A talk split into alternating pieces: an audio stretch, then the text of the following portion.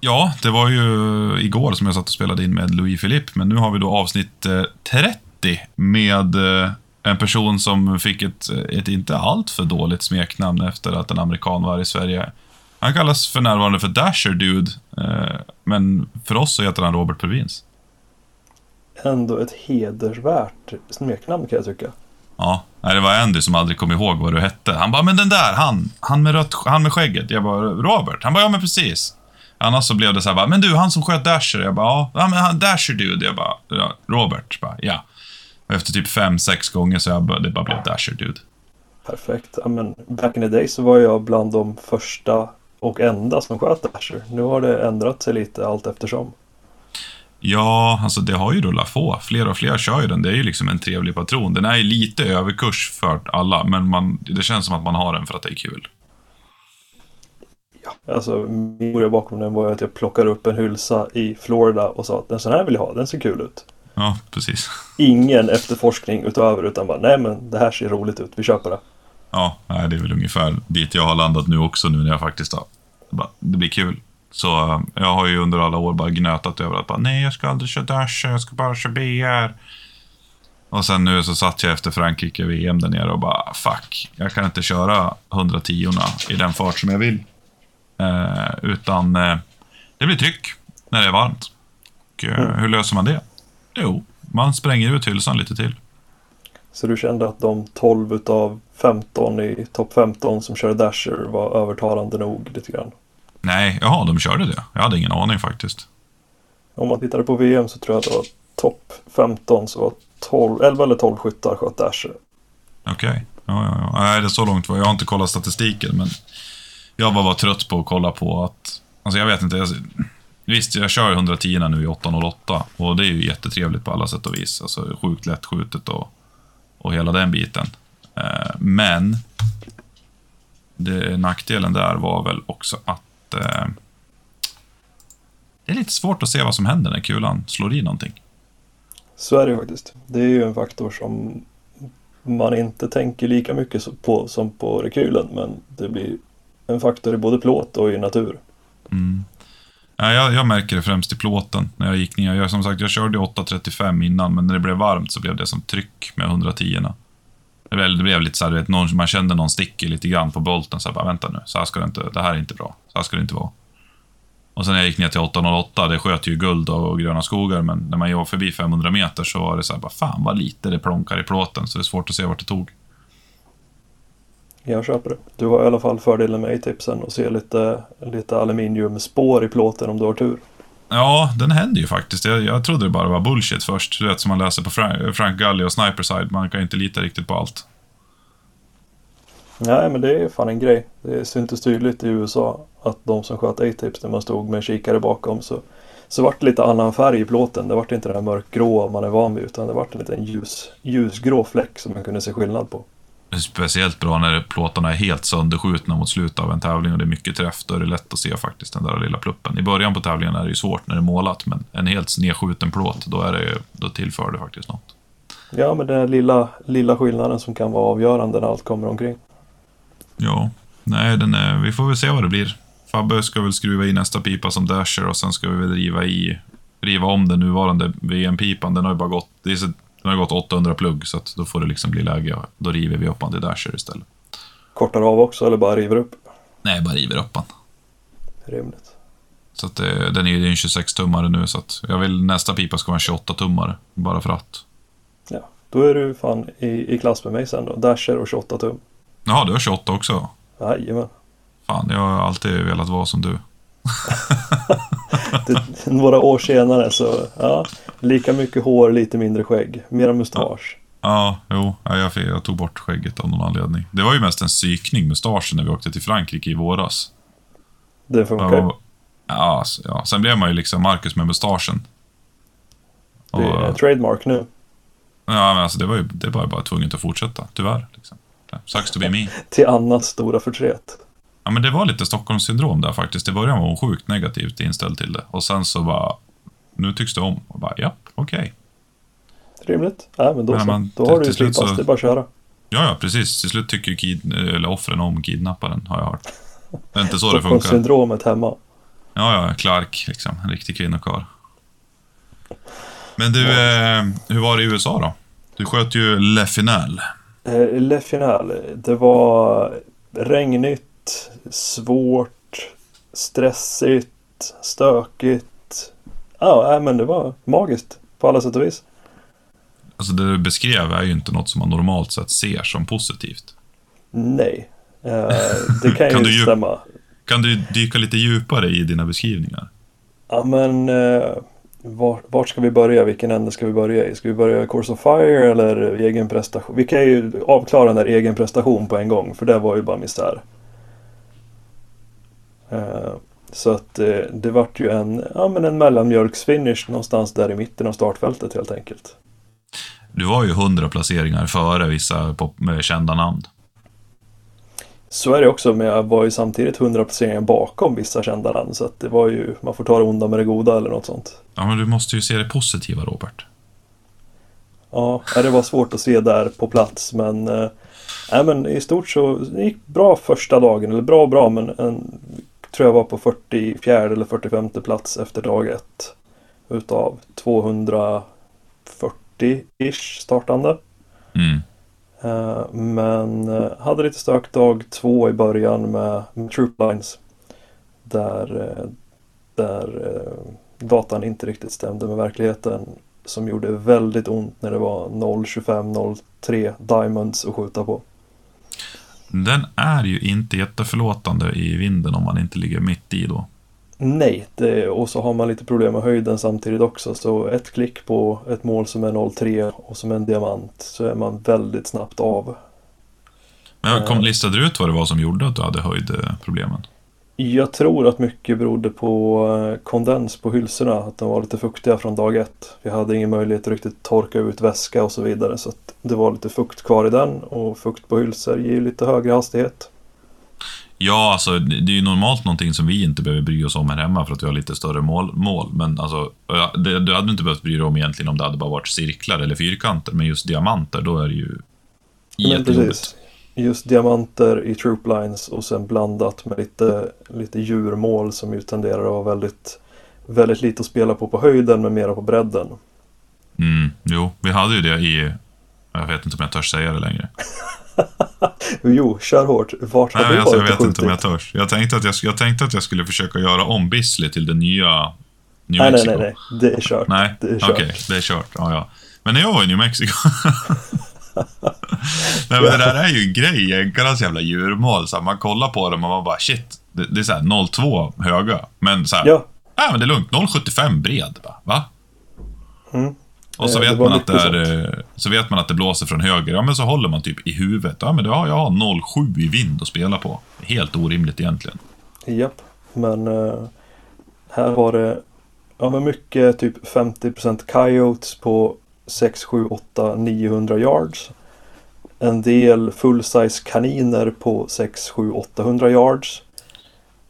Och, och liksom var det dvärg, dvärgkaniner eller var det fullstora kaniner? Ja, det, det var väl en, eh, en lagom kanin liksom. Jag tänker ja. en, eh, en icke överviktig eh, pet rabbit, på något sätt. Ja, Pet bunny. inte de här som man ser som sitter i rondellerna i städerna och ser ut som de har tagit en trenbolone liksom. Nej, inte steroidkaninerna utan ja, men, en en lagom stor men jävligt liten på det avståndet kan vi säga. Mm, mm. Så då var det ju dag två där att varje tappat poäng var mellan en och sex placeringar beroende på i stort sett. Så det Då var blir det- väldigt blir det tight point spread över hela matchen. Och, ja, det, det skilde någon poäng liksom här och var. Men man såg ju det när man satt och kollade på resultaten efter dag ett, att det var ju så här, bara en poäng kunde göra så här, åtta placeringar. Ja, det kunde göra 20 placeringar här var i listan också. Så det var, var ju väldigt, alltså det är ju en helt annan nivå om man tittar och så är det just finalen också och då blir det ju ännu tajtare i, eh, i startfältet. Så det är ju det, jag pratade med Andy när jag var över där nu i våras, eh, när jag var i New Mexico. Vem skulle kunna tro? Konstigt. Nej, men just det där med hur, hur det nu, för förut så var det nästan en självklarhet att bara du sköt en tre, fyra matcher så kom du till finalen. För Mm. att det var inte tillräckligt många som hade någon form av nivå som sköt så mycket matcher. Och det fanns mer slots på finalen än vad det fanns duktiga skyttar egentligen. Men nu är det inte så längre där borta. Nu är det, även om du är riktigt duktig, så är det fan skitsvårt att komma in på finalen tydligen. Ja, men det, det har ändrats i spelfältet där borta också och allting har tajtats till.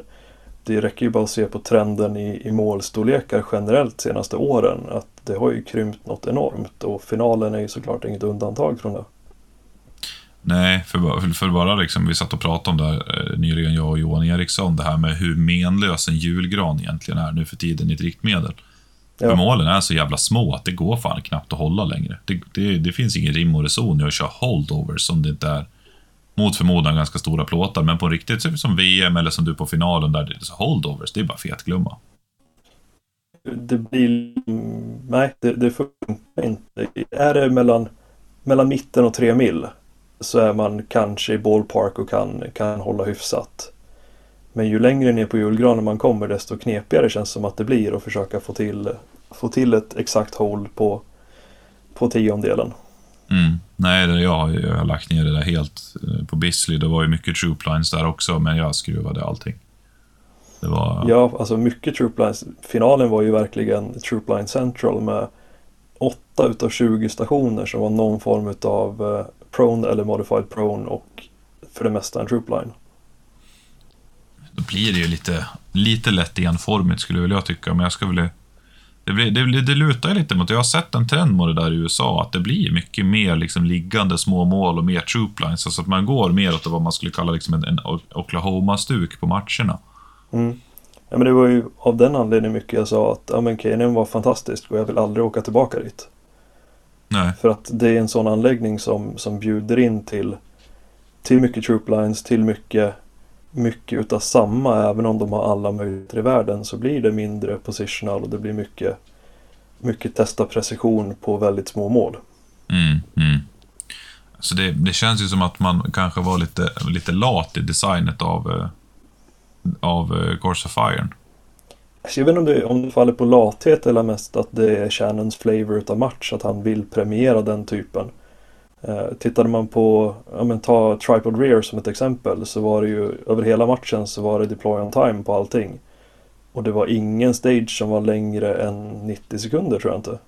Vi hade Oj. några 75 sekunders och sen var det 90 sekunders stages med deploy on time på, på tripods. Och då kan man ju fetglömma tripod egentligen. Jag använde det på två stationer på tävlingen och det var väl ungefär de stationerna alla använde tripod på. Mm. Uh, Hur såg de ut? Det var, ska vi se, uh, inuti en skolbuss med strippad på säten så att det fanns ingenting att ta stöd mot på insidan. Och sen ut genom, ja men window pane liksom. En, en tunn glasruta som du skulle använda som stöd. Ja, då blir det inte optimalt. Nej, inga extra stödpunkter att få. Så att, och då var det flytta fram och tillbaka mellan två olika positioner. Så det var väldigt förlåtande att använda tripod. Så mm. det var mm. värt att lägga, lägga tiden på plocka fram den. Och så var det en position på, på bädden på en, eh, en pickup som var rimlig att använda. För där behövde man inte fälla ut någonting utan man kunde köra en collapsed eh, okay. benmässigt. Och då okay. var det oh, någon tylrack från typ 66 IPSEC ner till en 6 tums IPSEC på 600 yards eller sånt. Mm, mm. Hur var vinden? Uh, baserat på när jag pratade med skyttarna som brukar skjuta där så har det aldrig blåst mer på KNM än vad det gjorde dag ett. Okay. Uh, generella intrycket innan man kom dit var ju att nej men KNM behöver du aldrig hålla utanför plåten. Eh, var ungefär vad jag fick höra. Både dagarna innan och eh, ja, vägen upp till tävlingen. Eh, jag tror jag höll 0,75 på 500 yards på första stationen. Och det är ganska långt utanför plåt på en mover. Ja, det är en bit, helt klart. Det var väl på K&M som uttrycket left edge myntades. Ja, jo men det tenderar alltid blåsa från vänster till höger där. Och som sagt, hold edge, left edge and you'll be fine. Mm, det är ju det är den gamla sanningen ända sedan, sedan, sedan vi var barn i sporten. Ja, jo men left edge på trigger jerk och så är man fine. Det är lugnt. Ja, Nej, den är, den är speciell. Nej, jag, har, jag vet inte. Jag har K&M har för mig alltid varit en, en anläggning som jag sett. Det har lite varit så här att man ibland har jag velat åka dit och ibland så har man känt så här, nej, men jag vet inte. Jag vill hellre åka på en riktig fältmatch och så här. Jag var Jo, lite ju- sugen på det, men jag vet inte. Det är ju lite av en bucket list-grej. Det är ju ändå den finaste, största anläggningen du hittar i USA i stort sett vad det gäller PRS-skyttet. Eh, Det, det är någon form av liksom golfbana möter country club möter skyttebana. Så det är Mm. väldigt annorlunda med en anlagd damm med en fontän mitt eh, vid infarten. Liksom. Det är ingenting man riktigt ser i Sverige. Eller Ja, runt precis. om i Europa överlag. Nej, men Morgan sa väl det att, liksom att de bucket list-ställen, alltså de som om man skulle åka någonstans i USA så skulle man åka till eh, det, var ju, det var ju New Mexico, K&M, Hornady PRC och någon till. Kommer inte ihåg vilken det var. Det var ju fyra matcher som man menade att det här är the go- go-to places. Mm. Det är väl någon upp mot eh, Montana-trakt. Nej, det kanske är Horned jag tänker på. Ja, Hornady PRC, men det var... Nej, skitsamma. Det var någon, någon annan match. Det är inte så viktigt. Det är inte noga. Nej. Jag tror man som svensk, om man åker dit, så kan man åka till betydligt fler än de där fyra matcherna och vara nöjd. Gud ja. Det är, alltså, hur man än vrider och vänder på det så är det ju en upplevelse att skjuta en match i USA. Det är ju en, det är en annan grej för att det blir så mycket mer runt omkring och det, det blir en, en resa utav det också. Framförallt det jag tycker är så trevligt när man är där är ju att det finns... Så man själv, alltså här hemma så är man ju van med att man är en av de liksom Åker man på tävling så är man en av de tre, fyra bästa som är där. Beroende på vilka som kommer. Men när man är där borta, det är ju så här... Alltså jag tror det bästa jag har kommit där, det är väl så här, ett 19 plats. Ja, jag har väl någon tolfte eller någonting sånt som Mm. bästa placering där. Men det är ju, det är ju som sagt, alltså tittar man bara på talangpoolen så är det ju en helt annan femma. De har ju ett sånt utbud utav skyttar och då dyker det ju upp talanger i en mycket större utsträckning. Mm. Och sen förutsättningar i träning och utrustning och ranges och allt vad det är runt omkring. Liksom. Ja, alltså det är ju alltid kul att skjuta med folk som är bättre än en själv. För det märkte jag ju, liksom, det har jag märkt bägge gångerna jag varit över dit, att det är, när man får skjuta med människor som är så märkbart mycket bättre. Det, det känns som att liksom det, liksom lampan tänds så många gånger under en tävling. Jo, men man får ju definitivt nya insikter på löpande band när man pratar med folk som...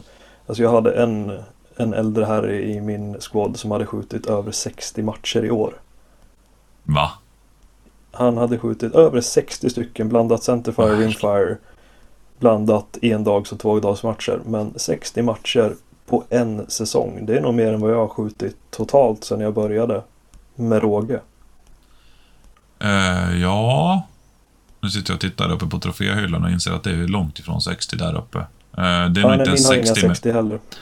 Det är nog inte ens 60 med fältskyttematcherna.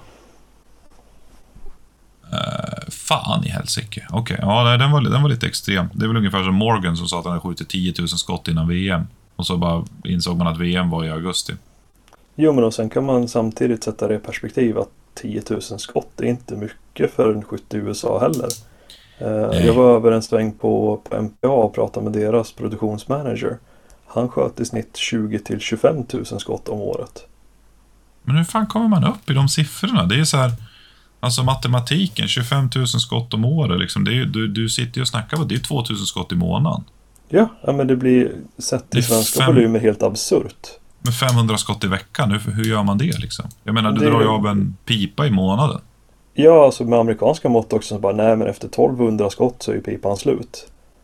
Ja, för fan vad jag är trött på när det där är ju internetsanningen. Jag vet inte om de har, om de har sandpapper i krutet där borta, men Nej, och så tittar man på, på våra piper som jag vet fortfarande skjuter vid 4000 strecket. ja, min BR som jag lämnade in till Fabian sköt ju fortfarande över 4800. Precis, det är kanske inte Och- den man åker på ett VM eller en större tävling med men den, man vet ju fortfarande att den duger gott att träna med. Ja, små matcher, träna, så den hade säkert funkat hyggligt på en, en endagars tävling med 120 plugg för det, men ja, nu var det liksom, jag hade två piper, en hade gått långt och en hade gått lite och så var det dags att stoppa i en ny för att ja, Fabian hade tid. Och då tar man sig tid Då, och då nyttjar man den tiden. Men det där är också när man pratar om bara, hur länge håller BR-piporna? Det är väl bara typ 2000, så skrotar man dem. Man bara, nej, nej, kanske inte riktigt. Och så pratar man med typ Karl Olsson som liksom ändå har VM-silver i, i ställning på 300 meter och sånt där. Och han har ju aldrig, alltså han skrotar ju sina piper vid 3000 bara för att, bara för att liksom. Jo, men det är en, ändå en rimlig gränsdragning att efter det Ja. så kan det börja hända konstiga saker. Ja, men han tog ju sitt VM-silver med en som hade gått 3,5 eller 3,6 eller någonting. För att han hade, inte, han hade ingen pipa. Men det är så här, han sa att jag har aldrig skjutit slut en pipa. Så bevisligen så har ju ingen pipa dött innan 3000. Ja, jag hade en dasherpipa som dog runt tre och ett halvt där någonstans. Så det var såklart mitt under tävling. Men det var ju ändå väntat för att då har man gått över någon form av gräns där, där man vet att det kan hända saker. Ja, nej jag tar ju aldrig med en som har gått över 3 på en tävling. Det finns inte på kartan. Om man inte måste. Man skjuter, då är det bra ändå. Nu bröts du där lite grann, Robert. Ja, det var det värsta. Hör, hör vi mig igen? Nu hör vi dig igen. Ja, vad bra. Det blev någonting där med 3000 skott och sen skulle du säga något och så bara... Så kom ryssen in och körde men- störsändare. Ja, men de, håller ju på med hemsidor och grejer nu. Det går ju ner i, i driver. Mm. Soundtrap är väldigt, eh, väldigt utsatt för ryska angrepp just nu. Ja, specif- ja, väldigt mycket och så vidare. Extremt. Extremt, Eh, extremt. Ja, men eh, om vi ska prata vidare om USA så kan vi väl säga att eh, snittmålstorleken var eh, 0,44 mil. För att sätta Mm. det i perspektiv. Ändå en lagom storlek på liksom en riktig pro-match. Liksom. Sådär. Absolut, ja, men det, det var som, eh, som Shannon, då arrangören, sa innan att mitt mål är att inget utav skotten ska kännas omöjligt men i, eh, i liksom samband med allting annat så kommer ni ändå missa. Och det kan jag väl tycka stämde ganska bra att det var inget enskilt skott som var, var helt omöjligt i karaktär men eh, kombinerat med lite press, lite rörelse och, och allting runt omkring så, så vart det ju ändå uppenbarligen fler missar än vad det borde ha varit. Mm, mm. Nej, det där är... Ja, som sagt, det lät 0.44. Det är väl ändå där man skulle vilja ligga på en match. Eh, Bisley låg mellan... Han gjorde de flesta mellan 0, 0.4 och 0.6 då. Vilket jag tycker är en Mm. ganska bra matchstandard om man ska säga på modern match. Tycker jag absolut. Det beror ju lite på avstånd och, och liksom eh, om eh, omständigheter i övrigt med vind och så vidare. Ja, det här var 250 till 800. Eh, Mm. Men 0406 kändes rimligt, så jag vet inte om man i Sverige ska börja... Ibland känns det som att 05 och 1 mil, 1 millan känns så gigantisk på något sätt. Eh, Man kanske ska köra 04 och 06 eller 07 istället. Ja, men det, sen är det ju också det är så varierande nivå både på skyttar och på, Eh, på arrangemang. Så att det, det är svårt att säga i förhand att det här blir en lagom plåtstorlek om man ser till hela startfältet och vinden den dagen. Ja, det är det som gör det så svårt. Och det finns ju ganska många som vill ha någon form av riktlinje. Så här, bara, hur, det vet jag, vi jobbar mycket inom IPRF. Folk så bara, men hur stora plåtar ska vi ha på vår första sanktionerade match, till exempel thailändarna här nyligen? Och de vill ju egentligen ha en lista med plåtstorlekar per avstånd, men det går ju inte att säga, för det beror ju på vad det är för nivå på skyttarna och hur deras bana ser ut. Ja, jo men det är mycket, många faktorer man får ställa svårigheten efter. Det är inte bara en, en lista och nu kör vi på det här. Nej, precis, precis. Men vad, sitter du och kikar på någon ny match då och åker över till America? Eller? Ja, men det, det, jag hoppas på att det blir ett par under nästa år. Eh, väldigt sugen på att testa någon NRL Hunter-match för att bryta upp PRS-monotomin lite grann. Mm, mm. Eh, nu har jag väl inte riktigt någon passande utrustning för att köra i någon riktig jägarklass där, men det skulle vara kul att bara testa på formatet som sådant. Det, ser- det, ser ju ganska lattjo ut på sätt och vis. Det finns ju diverse, jag pratar med folk som skjuter de där och de, några är väl lite negativa till upplägget. Och om du säger att du har fyra mål och då måste du, om du, om du inte hittar mål ett, om du av misstag, du får inte veta vilket som är mål ett. Liksom. Mm. Utan du ska ju börja med det som är närmast, vad jag har förstått det som. Men om du hittar mål nummer två och bommar mål nummer ett och så fyller du hela trooplinen, då får du noll. Ja, det låter ju lite udda. Jag har inte riktigt läst mig in på, på regelverket där ska jag villigt erkänna. Nej, utan man måste skjuta dem i target order. Annars får du inga poäng. Och hittar du inte på den första, som kan vara en, en liten jävla, som jag sagt, en mini-ekorre eller, eller en, liten square, liksom en, eller en liten kanin under ett träd och i skuggan Mm. som du inte hittar, men du hittar liksom coyoten. Och resterande fyra mål och du och träffar alla dem, då är du nollad för att du hittar inte första. Den är ju lite seg. Men, Ja, jag tyckte att det lät lite sådär, men ja, de växer väl in i sin roll de också. Jag menar, det är ju inte... NHL Hunter är ju, om man ser till antalet deltagare, väldigt litet. Ja. Jo, men det är ju fortfarande PRS-serien, eller Precision Rifle Series, som, som är branschledande på alla sätt och vis. Mm, mm, verkligen.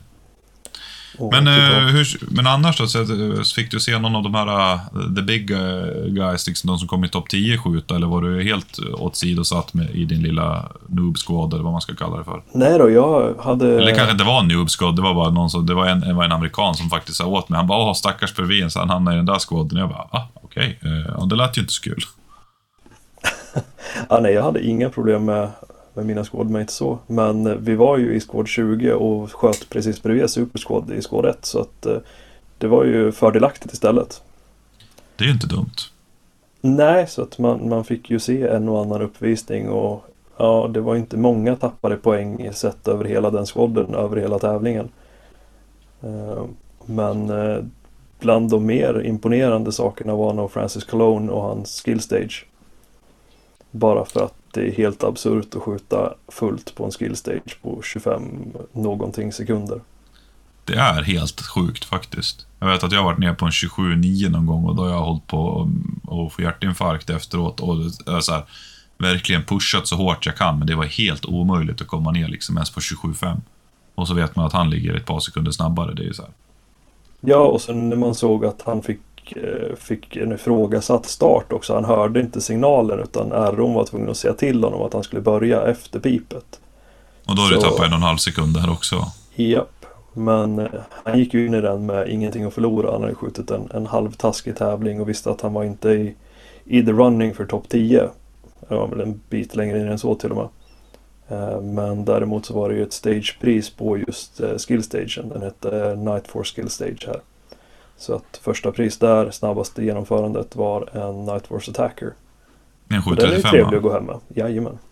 Ja, det är ju en schysst liten bonus när man vet att tävlingen inte riktigt gick hem. Men då får man gå hem med en 735 Det är ju pengamässigt helt okej. Ja, men då har man i alla fall eh, tagit tillbaka insatsen så att säga. Ja, och lite till. Ja, med, med råge. Så nej, det var, det var kul att se och stå bredvid och titta på och, och få liksom se hur effektivt det faktiskt går att köra en sån skill stage. Mm. Och då var det barrikad skill stagen kanske klargöra för den som lyssnar. Jag tror inte det är så många i Sverige som liksom ens vet om att det finns fler skill stages. Nej, men vi ser ju aldrig de andra. Är det tre andra som finns? Är det fyra totalt? Ja, de kräver ju lite andra sorters banor, så att de är ju liksom... De, man skulle ju kunna göra dem på typ Östhammar eller Tyfors eller Vindeln eller något sånt där, men... I och med att man inte kan köra dem på en vanlig fyrkantig bana så blir det ju svårt. Nej, men precis. Vi är lite mer begränsade i den, eh, det området här hemma. Mm. Även om man tittar i USA så tror jag att majoriteten av de matcherna jag har varit och skjutit på i PRS eh, sammanhang har varit just Skill Stage 2 som är barrikaden. Mm, mm. Den, den är ju liksom enkel att göra och den, den ger ju alla grunderna. Det är ju bara liksom en, en lågen och en stående position. Så att det är ju det som är liksom basics som man ska ha på banan för att, ha någon form av grundläggande träning. Ja men precis. Och sen, Var det, det, fortsätt, Ja, kör ursäkta. ja men det, det är ju lite andra förutsättningar att skjuta en Skill Stage på en, en svetsad stålbarrikad eh, mot ett mål som inte svingar också. Om man jämför Ja. med svenska förhållanden än en gång. Ja, du, du menar alltså att det inte riktigt är som i till exempel Västerås, där man har en, en trä som gungar lite grann fram och tillbaka och sen vet du, plåtarna hänger i en halv meter långa brandslangar. Ja men lite så. För tittar man på, på mina tider på svenska tävlingar så har jag nog legat mellan 50 och 65 sekunder för att vara, vara bekväm och säker med att nej, jag får med mig 8 av 8 här och tiden är inte avgörande för mig utan poängen blir viktigare. Mm. Eh, här kunde jag bekvämt skjuta den på 40 sekunder. Mm. Ja, du, jag köpte ju sådana här vet du, krokar av Tobbe Lindgren eh, på Botnia Solutions. Just det. Eh, och det var ju så jag gjorde mina 27-9. Det går ju fan inte, det är helt omöjligt att göra det på, på, på en gungande plåt. Då är man ju Ja, nej, men då har du ju svingen att tajma in och om inte annat så kommer du försöka vänta på att få den i rätt läge. Ja, nej, så då hade jag ju faktiskt en sån här plåt som inte rör på sig så mycket alls. Det- Du det- fuskade med andra ord, jag förstår. Ja, jag fuskade. Enligt svensk standard så fuskade jag. Jajamän. Eh, Det enda sättet tyvärr. If you're not cheating, you're not trying var det en amerikan som sa. Ja, jo, det ligger något i det. Den är, den är magisk. Nej, det där är... Vi får väl, vi får väl se vad nästa säsong har, har, har att erbjuda. Då har vi ju också PRS 22, eller vad ska jag säga, 22, eller ja, PRS 22 fast inte PRS. Det där är ju Nej. svårt också, vad som är PRS och vad som är IPRF och vad som är långhåll. Och Ja, Det blir en jävla soppa. begreppsförvirringen är total. den är påtaglig. Då har vi ett VM i Italien. Jajamän. Och vi har ju faktiskt haft lite kvalomgångar redan, både uppe i Stockholm och nere i Skåne. Mm. Du, du vann din där nere va? Ja, men det stämmer. Det var, men det var ändå Ja, ganska tajt i Adam. toppen. Det var väl ett poäng till andra plats och en tiebreaker mellan tvåan och trean tror jag. Ja, du ser. Så det jo, lite- då var det tajt på toppen allt. Ni får ju se till att dra er redan Elite Squad ner dit sen. Hyra en bil eller någonting. Ja, men jag räknar med att det blir lite korskontaminering med att stockholmare kommer ner och skjuter också. Och att vi Det var- kanske åker uppåt. Vi får väl se hur det blir med 22orna. Det, är ju, det där är ju riktigt svårt för hur man ska se till att man ska få till en, en representabel squad ner till Italien. Till exempel kvalmatcherna som kommer gå i Umeå. Det kommer ju inte blanda sig med de i Skåne och de i Stock, flesta i Stockholm kommer säkert inte åka ner till Skåne heller. Nej, det blir, blir en svår avvägning där med, med vem som åker med tanke på att som sagt det är ju få som reser sådana långa sträckor för att skjuta, skjuta 22 i dagsläget. Ja, det lättaste vore väl kanske egentligen för till exempel till Open Squaden och bara köra de två bästa från varje ställe. För att få representation, liksom. Två Stockholm, två Skåne, två Norrland. Men ja, det där är ju också en jävligt svår avvägning. Ja, jag är inte avundsjuk på, på den idioten som måste göra dem. Jag, eh, det är ju tyvärr jag. Ja, jo. Och, eh, men jag funderar på om jag ska släppa över allt på Anders Modig bara. Ja, Han vet, men- inte, han vet inte om det än bara. Eh, och jag tror inte vi han kan kommer ju att ta hoppas att emot han det. lyssnar så han får reda på det så. Mm, Att det är bestämt Anders- och klart nu. Ja, jag tror bara inte han godtar liksom, överlämningen. Tänkte att det var officiellt nog så här. Ja, nej tyvärr. Det, jag tror inte det räcker. Jag tror inte att det räcker. Nej, men den där blir intressant att se. Eh, det, det, anläggningen ligger ju strax utanför Rom. Och jag vet inte, det verkar vara ganska bra uppslutning. Uppemot en 162-100 skyttar verkar det kunna bli i alla fall. Okej. Ja, det var mycket intresse bland amerikanerna jag pratade med också. Det var många som, som skulle försöka skjuta lite extra matcher nu i slutet av deras säsong för att kvala in med lite tur. Så Ja, de är ju- de-. De verkar det, det där är någonting man inte får höra från våran sida. Liksom. Vad är intresset i USA till VM-skytte? Både liksom, full, liksom fullstort och 22. Liksom. Hur intresserad är man egentligen där borta? Det har vi inte av någonting av alls. Nej, alltså det var ju lite intressant. Man kunde ju uttyda det till viss del i, i Shannons tal under, under invigning och avslut av tävlingen där. Att, att det kändes som att de var lite hotade utav det här med VM på något sätt och ville uppehålla sin status som the premier shooting league of the PRS liksom. Men eh, intresset finns ju definitivt där, speciellt nu när när samma, samma vinnare från, från världsmästerskapet vann, vann serien där också. Han är fan duktig Bushman alltså. Ja, sanslöst duktig. Det är verkligen en uppvisning att titta på eh, när han skjuter och hur stabilt han skjuter med, med fullt lugn genom allting. Nej, men det det är det som är intressant. Jag, det, jag förstår inte varför de skulle känna sig hotade egentligen. För att IPRF-grejen är ju ingen, det finns ju ingen serie. Det Nej. finns liksom ingen squadding, alltså det är på det sättet. Utan det är liksom ett, det är mer ett landsbaserat VM. Men självklart så är det också individuellt. Men det här är ju liksom... I PRS är det ju bara individnivå, medan i IPRF där är det ju nationer. Ja, och sen handlar det ju om att, växa sporten på en internationell arena på ett helt annat sätt. Ja, gud, alltså det där... eh, om man ska se det till det hela, så grund, hela grundidén bakom IPRF var ju... Lik förbannat som det behövs i Sverige, det behövs i Litauen, det behövs överallt, så behövs det ju liksom ett internationellt organ för att man ska se sporten som något sånär seriöst. Jo, men den blir officiell på ett helt annat sätt. Ja, och eh, det är väl där PRS inte liksom... Det är ju ett privatägt företag i USA. Och sport i världen har ju en viss struktur som man måste följa för att få klassas som sport. Och det fanns inget sportorgan för liksom, vad vi kallar för PRS-skytte. Och PRS som organisation skulle aldrig ha kvalat in där, för då skulle man behövt hålla val med liksom sekreterare och, ordförande och vice ordförande och allt det där. Och det tror jag man inte är så där jävla sugen på från deras sida. Nej, det tror inte jag heller. Och man ser ju tydligt vinstperspektivet och hur mycket pengar som är inblandade i, i Precision Rifle Series överlag. Bara baserat på hur många miljoner som är nedlagt i, i KNM som anläggning. Alltså det, det, det, ja, det är som du säger, alltså, men hur sponsorerna, liksom, hur man trycker in, det är ju bara att kolla prisborden på amerikanska tävlingar. Eh, sponsorer till KNM, Sen har, kollar du också, det finns ju, du har ju avgifterna per skytt, per match director och, du, och även en medlemsavgift. Så jag menar, det snurrar ju duktigt med pengar i organisationen.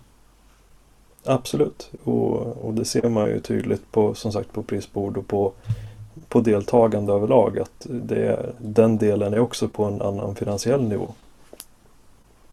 Jag skulle ju önska att jag kunde sitta här och säga att jag har en, en, extremt fet månadslön som president i IPRF. Men i och med att vi inte ens har ett bankkonto i organisationen än så kan jag ju säga att det finns ingenting. Det där får du vara tyst om när du ser till modig och ta, ta uppdrag. Mm. Jag ska säga att det är helt utan ersättning. Då tror jag han blir sugen. Ja, men det brukar vara ett övertygande argument. Ja. Nej, så att det där med att jänkarna ska känna sig hotade, det är liksom, det är som, inte vet jag, det är väl som att säga att Fifa skulle vara ett hot mot Premier League om man nu ska prata fotboll som alla är sådär brutalt intresserade av. Ja, men jag har hört att de får, de får ju skeppa in supporters, så populärt verkar det vara just nu. Är det så? Ja. Jag såg någon bild faktiskt en, där nerifrån. Fotbollspolitisk debatt utav det hela. Nej, men jag vet att jag såg det var någon som gjorde en meme om det där. Då var det så här brittiska supportrar i Qatar som bara, ja ah, okej. Okay. Sen var det så här, Ital italienska supportrar i Qatar. Man bara, vänta nu, de ser jävligt lika ut. Och sen bara, kollar man brasilianska supportrar i Qatar. Man bara, jag tror det här är samma killar. det är något fuffens, kan vi, kan vi sammanfatta det till. Ja, och ingen, ingen av engelsmännen verkade egentligen vara särskilt bra på engelska. Ja, men Brukar... Det har vi ju sett på i första hand att det är de inte efter ett par öl i alla fall. Nej, nej, nej, men det är ju en annan sak. Men man får inte dricka öl i Qatar, så då är det ju dead giveaway. Nej, en britt som inte tänkte, dricker öl är ju ingen britt. Jag hörde ju att du var i Bisley nyligen. Inte ja. New Mexico, utan Bisley. Ja. Så att... Eh, de, du har ju fått förstahandskunskap om, eh, om deras eh, onyktra tillstånd, tänker jag anta. Ja, men de var jävligt nyktra det var så här, det var lite olustigt. Så här. Man förväntar sig ju alltså att det ska liksom drickas duktigt med pilsner liksom på kvällarna. Men de var så här jävligt seriösa. Alltså. De tog det här på stort, yttersta allvar. Ja, men det köper jag. Alltså, det är ju som att det blir en historisk grej just platsen det var på. Ja, nej, det var... Det, man märkte det på dem också. Jag fattade, jag åkte dit, ah, skitkul liksom. Och sen kom alla, ah, tack så mycket att du kom hit och bra, gjorde bra intryck på, på liksom ordförande på Bisley, vilket typ är NRA tydligen. Jag bara står där och bara, ja, nej men det var väl, det är jättekul. En sån här chans får man bara en gång i livet. det, det är ju svårt att se det från deras perspektiv när man kommer utifrån också. För att jag tror ja. att det låter som att det var en väldigt stor grej för, för sporten i, eh, i Storbritannien. Ja, men jag tror inte vi kan förstå det riktigt hur stort det där var eh, för dem att få anordna på Bisley. Eh, jag tror aldrig vi kommer att förstå det heller. För vi har inte Nej, haft men det skulle kulturen. vara att jämföra med att vi får någon form av eh, frikort till försvarens alla skjutfält helt plötsligt. Ja, eh, ja nästan så, fast ja, egentligen. Och så plus lite mer att det, att det är anrikt liksom. På något sätt att, ja. att ja. Jag vet inte hur man skulle göra. Det, det går nog inte att mäta i svenska mått mätt i alla fall. Men det var riktigt kul att vara där. Sen som sagt, som jag sa i podden där med LP, att ibland är man ju bara jävla efterbliven. När man bodde på The Artists Rifle Club och trodde att det var en konstnärsklubb, men så visade det sig att det var 21 SAS-regementet och man bara jaha. Kanske skulle, på, kanske skulle läsa en bok någon gång. Ja, men vi, vi tycker om det ändå. Mm, jo, jag är bra på vissa saker, men inte många. oh, herregud. Det är fantastiskt. Men du, ska vi spåra in tillbaks på, på Dasher-spåret? Ja, men det tycker jag. Du har ju tagit dina förnuft till fånga. Ja, och jag satt ju och tänkte lite grann på det där i och med att man har en Dillon. False shoulder verkar ju vara the shit om man har en Dillon. Ja, men det är ju väldigt, eh, väldigt ledigt att göra där om inte annat. Att slippa tänka på att du måste jamma någonting och, och hela den delen. Utan dra en, ett falskt bröst på den och vara nöjd där. Mm. Måste man ladda på hårt eller räcker det med normal laddning i BR liksom? Jag har kört en, alltså en, en okej BR-laddning och fått dem väl utskjutna på första. Mm. Det bara räcker sen att köra dem som formade. Bara, den kan man köra som matchladdning sen eller? Ja, alltså de kanske, kanske plockar upp ett par meter per sekund sen eh, efter ett par avfyrningar just för att du får lite brantare bröst och det blir lite mindre, mindre mässing som rör på sig. Mm. Mm. Ja, för precis. Men eh, nej, jag körde inte ens mina i bom när jag hade gjort eh, false shoulder. Utan Okej, det gick alldeles okej. utmärkt ändå. Jag kommer ihåg när du höll på med den här eminenta eh, metoden som kallas för hydroforming. Du kan ju dela med dig av de Vill erfarenheterna. du ha mina verktyg? För jag tänker aldrig röra dem igen. Det, ja, jag vill minnas att du var väldigt imponerad över hela processen. Ja, nej, men det var, eh, det var intressant var det. Jag gick åt väldigt mycket whisky och fick väldigt ont i armbågen. Mm. Det var inte tennisarmbåge, utan det var dasherarmbåge. Ja men de här fina videosnuttarna man ser där, ja men ett skarpt slag med en hammare, det räcker. Var ju inte riktigt hela sanningen utan det var snarare fem slag och så var du i form. Menar du alltså att en information från en amerikansk YouTube-kanal inte var korrekt? Mm, jag vill syfta på det här lite grann i alla fall. eh, Med tanke på att jag slog sönder två sådana här, eh, vad, vad ska man kalla dem? Seating stems eller vad man nu ska kalla den man slår på med hammaren. För att de inte var härdade som de skulle vara. Så tog det lite längre tid än vad det skulle också. Ja, det är fan magiskt. Nej, det där var ju också en av anledningarna till att jag inte ville köra dasher. Jag hade inte alls tänkt på det här med false shoulder, utan det var ju mest bara antingen måste du faktiskt smacka in dem stenhårt i bom, eller så måste du hydroforma. Och jag bara, jag är inte så jävla sugen på någon av dem. Nej, Och sen, nej eh, det köper jag också. Och sen så blev jag, satt jag och pratade med Runar och han bara, nej det är skitlätt, jag kör bara i Dillonen så kör jag det där, det, det där. Och så beskrev han processen. Jag bara, det där låter verkligen jätteenkelt. Mm. Och det är så Och- enkelt. Och du och- måste ju ändå, en ny fräsch pipa vill du ändå skjuta några hundra igenom innan du börjar tävla och laddutveckla med. Ja, men det var lite det jag tänkte. Och sen eh, frågade jag också, för jag har ju aldrig, man har ju alltid hört att du måste ha Virgin Brass. Ja och nej. Det, Ja och nej. Jag hade väl lite högre än önskvärd felprocent när jag, när jag formsköt eh, en och två gånger skjutna. Men eh, när jag pratat med Stigenberg så hade han inga problem alls. Och det verkar bero lite på vilket krut man använder också. Mm, mm. Och bara för det, jag som sitter på typ bara 150 krut, så kommer det säkert inte gå med det. Utan nu när krutet är så billigt så måste jag köpa Och lätt annat. att få tag på också. Ja, framförallt lätt samt att få tag på samt billigt. Och Ja. allt är bara tillgängligt just nu. Men är inte du så här sponsrad topshooter som får allting skickat till dig gratis som alla tänker? Alltså jag får ju det skickat till mig, men det kommer också en, en sån här dum lapp som heter faktura med. Det är så jävla sämst. Inga papper, inga problem. Nej, men det kommer ju ett papper. Det är det som är the shit. Ja. Men äh, ja, nej, jag får väl se innan. Man lär väl få fylla på krut inom ett tag och bita i det sura äpplet och bara... Ja, jag kommer, ihåg, jag det- ihåg när jag köpte 150 krut för 1900 kronor dunken. Mm. Nu är det 4 och 2. Det hade ju varit en ganska solid investering att investera i krut för ett par år sedan. Tändhattar, ja, hybrider. Man skulle köpa på sig lite mer helt enkelt. Och det kommer Ja, aldrig bli billigare. Ja, så hade man vetat på det, då hade man ju inte sparat i börsen. Då hade man ju sparat i bergekulor. Gud ja. Bra return on investment just nu på komponenter överlag. Jag såg att DL-kulan från Norman nu, nya rekpriset ut till kund, det kommer vara norr om 7 kronor. Mm, jag såg det också. Den, Så eh, det går från att ha varit en väldigt prisvärd mängd kula till att eh, vara uppe och sniffa på alla matchkulors kostnad. Ja, det är ju liksom en bra lättladdad kula som är väldigt smidig att hålla på med, men alltså sju spänn är ju fan saftigt. Men i och för sig, jag ska inte säga något. A-tipparna som jag skjuter ligger på bara 19,80 styck nu, så att det är ju... Ja, jo. Men det drabbar ingen fattig. Det är ingen trång Nej, de- sektor. De, de säger det. De säger det. Nu ska ju, jag får ju mina, jag ska ju bara, det behöver man inte sticka under stolen. Jag får ju mina gratis i och med att jag har en sponsring, men jag har ju väldigt svårt att förstå att det ens finns en marknad för sådana där kulor. Ja, det har kommit över. Men ja, alltså ser man i det stora hela och tittar på vad det kostar att åka och skjuta en tävling med, med resa och boende och matchavgifter och träning inför. Och, det är Ja. egentligen ingen skillnad mellan 7 och 19 på kulan. men det försvinner lite i bruset utav, utav helheten. Även om det är hemskt att säga det med de siffrorna. Ja, för jag menar, säg att du kör en, en A-tipp istället för en hybrid. Det skiljer 10 spänn kulan ungefär, för de ligger, hybriderna ligger på 9 nu va?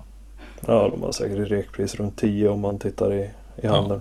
Men eh, 180 patroners match, det, är, det blir liksom, ja, säg att det blir 1500 spänn extra för att skjuta A-tippar. Och så kollar man på en startavgift, två hotellnätter, resa till Norge, ja, Ja, det, så, Två- det försvinner två- lite grann i bruset. Den där två semesterdagar.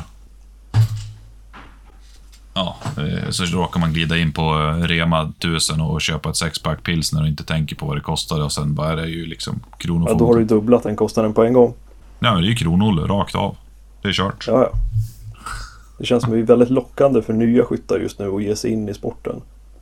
Ni får ursäkta oss för våran, våran lilla bitterhet just nu, för att man har, när man har sett och gjort matematiken på mängden man har skjutit tidigare år och inser att det kommer fan inte kunna fortgå. Nej, och det är väl ännu en anledning till att jag tror att 22 PRS, eller vad vi nu ska välja att kalla det, kan, kan växa till sig lite för att det blir mer tillgängligt. Långhållsskytte klass A, tror jag. Jag har skrivit en artikel för Vapentidningen om det där. Det borde vara Ja. klass A. Jag skrev reglementet så jag borde komma ihåg det. Ja, det kan man ju tycka, men Jag ska inte ha för höga förhoppningar. Men det, när kommer den artikeln ut? Oh, den har funnits ute länge. Eller det finns, finns en sen tidigare i alla fall om, eh, Okej, om tävlandet i Österhaninge. Långhållsskytte klass A. Så det var ju okej. i Ja, deras jag, tidiga dagar.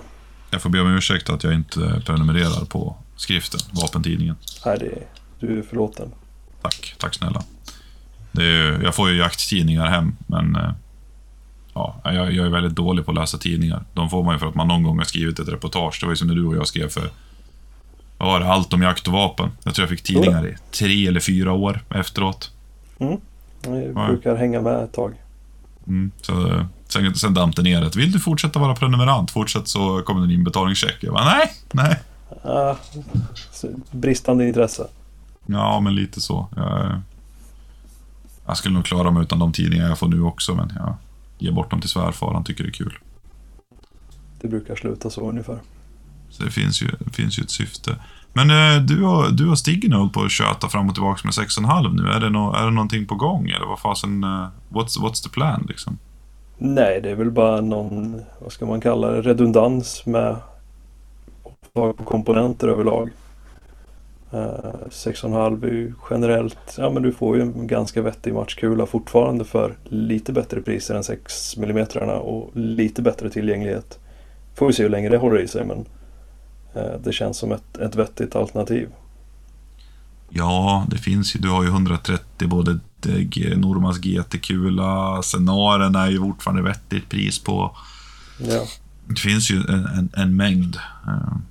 Hypen med 6 mm har ju liksom börjat tömt det där lite grann. Och sen 6,5 är väl fortfarande, ja, finns väl fortfarande tillgängligt. Det känns som att det är mer produktionsnivå på 6,5 än vad det är på 6 mm. Ja men det känns som tillgången är bättre. Och sen var det lite som vi pratade i inledningen om att det är ju lite mera pang i plåten och lite mera uppslag att se också. Mm. Och allt eftersom målen blir mindre så känns det som att det blir viktigare och viktigare att kunna läsa plåten ordentligt. Och då kanske de där extra extra hjulen hjälper till lite grann. Mm. Jag sköt ju med Creed på Bisley i en AI, den här ATXen. Just det. Eh, vi pratade om det där lite snabbt, du och jag, det där med greppet och så vidare. Tydligen så den som jag hade, jag har ju så jävla bra koll, det var ju inte originalgreppet. Det var ett prototypgrepp. Okej. Och tumhyllan var också en prototyp. Eh, det var därför jag bara, åh vilket skönt grepp. Så, Vad fan, det här, jag tyckte, sen när du sa det, jag bara, shit, det här greppet ser ju inte bra ut. Men då håller man tydligen på att jobba på ett nytt. Ja, men visst lånade du en ifrån Alice på AI? Ja, precis. Ja, därav lite prototypgrejer såklart. Såklart.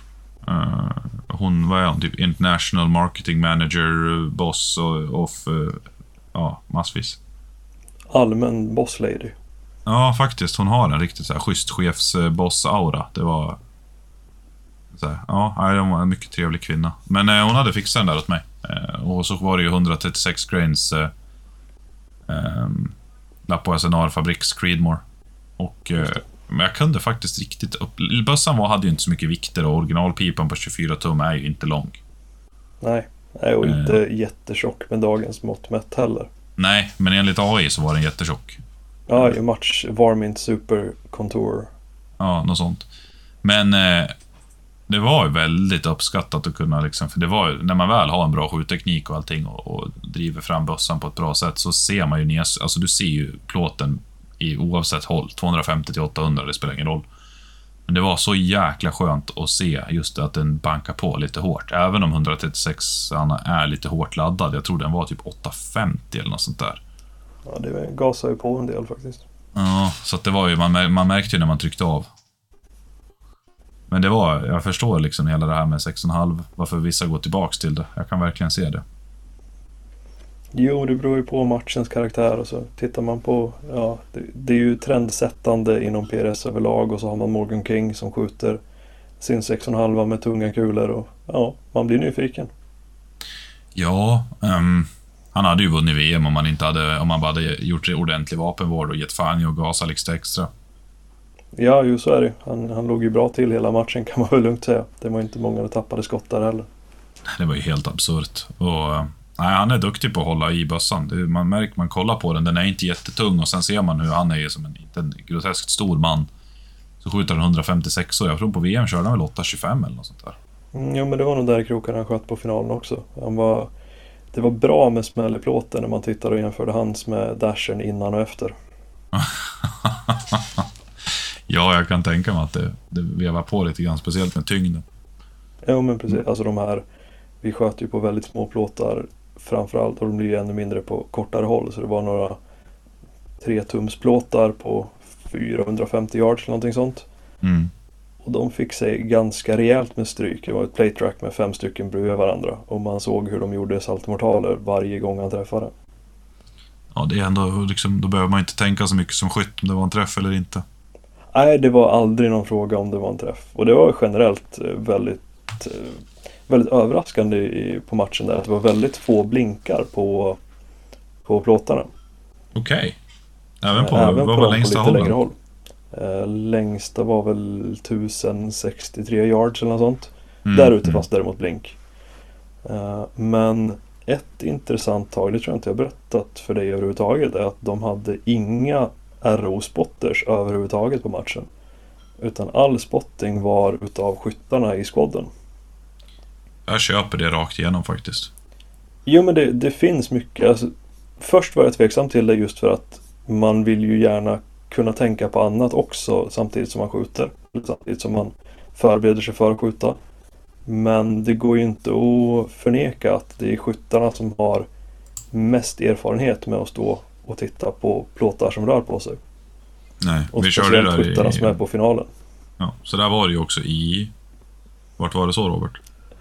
Ja, det är ju två alternativ här nu, men jag tänker ju dra New Mexico för att varför inte? Yes, helt rätt. Uh, nej, jag var också skeptisk först. De bara, ah, vem är sportare? Så spekade de bara, jag bara, vad fan, det här ska ju vara en AG Cup Qualifier. Bara, what the fuck? Mm. Ja, ah, men vi är tre, sa han bara. Var det så, tre stycken. Så hade du ändå tre ruttade killar på glas. Eh, med olika nivåer av kikare. Och, och jag menar, jag menar, när jag sköt så kunde jag liksom ha John Kyle Truitt, Bushman och, och eh, Hawkins på glas medan jag sköt. Det var inte så att man behövde fundera på, skrek, skrek inte de träff, då var det inte träff. Nej, nej men precis. Nej men så det var, var överraskande trevligt av just den anledningen att man, man visste att det var en till tre väldigt erfarna skyttar. Som, eller alla stod ju i stort sett och tittade i binos men det var en, två eller tre som aktivt spottade och faktiskt eh, kollade ut vad som händer också. Mm. Sen tror jag att det blir mindre tjafs. Det tror jag också. Eh, det kan ju vara, alltså man får ju vara lite försiktig med jävsituationer där. Så att det inte bara är MDT-skyttar som står och tittar när en MDT-skytt skjuter. Inte för att jag tror att det skulle vara ett problem i praktiken, men mest för att det ser lite illa ut. Mm. Och om mm. det blir några frågetecken så, så är det tråkigt för alla inblandade bara. Ja, man, men jag tror det är bara, ser man till att ha en squad stor nog så att det inte bara är sådana i den, då är det inte ett problem. För jag tror man call bullshit ganska fort om man märker av det där inom squaden. Och jag tror ingen, ingen riktigt törs göra det, för man, jag tror man skulle bli jävligt uthängd. Jo, men det, det skulle ju aldrig flyga. Det skulle inte funka. Men eh, nej, det var verkligen inget problem i, i realiteten sen heller. Utan, och som sagt, vi vet ju båda två att det spenderas ganska mycket tid bakom en kikare när man är på en tävling. Ja, speciellt om det är en seriös tävling. Jag menar, jag... ja, det var, ju, det var ju någon som eh, hade sönder någons Razer UHD så, och sen bytte, var det någon som bytte ut den till en 1856. Jo, man ska, inte, man ska inte lämna sånt på tripods tydligen. För Adam hade ju lånat min andra kikare och välte den senast också. Okej. Ja. Vadå, 1856? Nej, nej. Här var Delta Rangefinder istället. Aha, okej. Ja, nej, det, jag har hört att det är dåligt. Men jag gick och köpte en 1856. Ja, ja men det gjorde du rätt i. Jag Ja, tänker att du är ganska nöjd med också. Jag är jättenöjd med, med den. Det alltså... Man tänker så här, Vortex, bara, ja okej, det är ändå Vortex, det är liksom inte svarre, men du vet... UH, Razer UHD är fan mint när det kommer till glaskvalitet. Jajamän, jag håller helt med. Eh, Så jag, nu står ju den bara bak på hyllan och väntar på att det ska bli en seriös match. Ja, vad har vi för nästa match på gång? Är det någonting, är det Östhammar som kommer först eller vad tror vi? Ja, de ska ju köra en stor match på Bisley med typ 70 pers i februari. Ja, nu, nu tänkte jag här i landet, inte, Ja, du tänkte så. inte Europa ja. som helhet. Nej, men vi kör det tredje riket, eller fjärde riket blir det ju. Det är EU, det är dit vi kommer. Inga konspirationsteorier. Eh, nej, men Nej, jag men- tänker, i landet så är det väl Östhammar som brukar komma först på året. Ja, Östhammar och Vindeln slåss väl lite grann om första. Eh, Och så har vi ju, om vi tittar lite bredare, så har vi ju Viking Trail i början av maj har jag för mig. Mm, jag tror det blir jävligt intensivt i maj. Maj-juni blir nog en väldigt matchrik eh, period för, för området. Ja, jag tror att det kommer bli så jävla lattjo. Men Viking Trail är det ju många av britterna som är sugna på att åka över, så det låter som att de kommer lasta en minibuss med skyttar och sen tåga, tåga runt genom Frankrike och upp. Det låter trevligt. Ja, det var en del amerikaner som lät bra sugna på det också, så vi får se hur många som faktiskt dyker upp också. Det är ju mustigt med en tre dagars match och den kostar ju en slant att vara med på, men alltså det är ju en, det är en upplevelse utöver det vanliga när det kommer till skytte. Ja, nej men det var nog sett förra året, eller ja, det här året till och med, så var det nog min favorittävling i, i helhet. Nej, jag ska... Fan, jag ser fram emot det där. Det ska bli riktigt häftigt. Rune har ju varit på med ända sedan han började med Viking Trail. Du måste skjuta, du måste skjuta. Men det har liksom aldrig klaffat. Men jag ska, nu ska jag fan se till att det klaffar. Ja, men det är ett jävligt kul upplägg, speciellt just det här med att du har, du har tre stycken endagars matcher så du kan du kan skjuta lite dåligt en dag men fortfarande vinna eller placera dig bra på, på två endagars och komma ifatt lite i totalen på det. Mm, mm. Sen har vi ju riksmästerskapet i Haparanda. Absolut. Eller ja, inte där har vi Haparanda, ju på ny Lo- mark till och med för. Ja, Lombens skjutfält. Precis. Det är lite stort. Det tycker jag är jävligt bra gjort av Johan att han har fått tillgång till det där. Det är inte bara bara. Nej, Sur-Johan har gjort det bra där. men alltså, ja. Det är kul. Jag, han säger bara, jag vet att jag är sur, men jag har rätt. Jag bara, ja Johan, jag vet att du har rätt. Men du vet Sur. Ja, men du är sur. Ja, men det köper han. Det köper han. Ja. Bara, bara han vet att han har rätt. Så att, nej, men ibland behövs, behöver man ju vara lite sur för att få igenom sånt där. Och jag tror inte att det där har varit en helt lätt process. Och man måste nog ha lite, lite surskalle för att, att lyckas göra klart Ja. där pappersjobb för det där. Stångas mot byråkratin i, inom Försvarsmakten och Fortifikationsverket.